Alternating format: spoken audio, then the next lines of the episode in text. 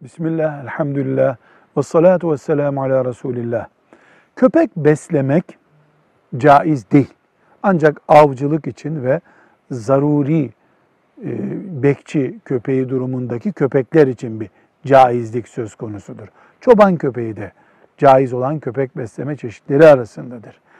Bir Müslümanın evinde köpek besleniyorsa ve bu da zaruri değilse mesela köy yeri gibi bir yer değilse burada Resulullah sallallahu aleyhi ve sellem Efendimizin yasakladığı bir şey yapılıyor demektir.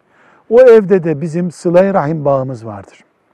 Biz köpek beslenen eve misafirliğe, yemek yemeye, çay içmeye gidebilir miyiz? Cevap.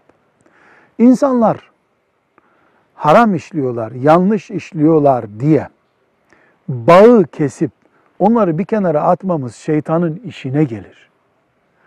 Biz haramına ortak olmamak, haramı ile baş başa ona destek olmak gibi bir ilkeye dikkat ederiz. Yani o mesela içki sofrasındayken onun sofrasına yanaşmayız.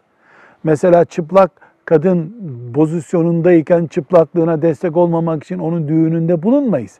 Ama köpek beslemek gibi gereksiz yere köpek beslemek gibi genel bir pozisyondan dolayı silah rahimi kesmeyiz. O eve ziyafete de gideriz. Akrabalık ilişkilerini de sürdürürüz.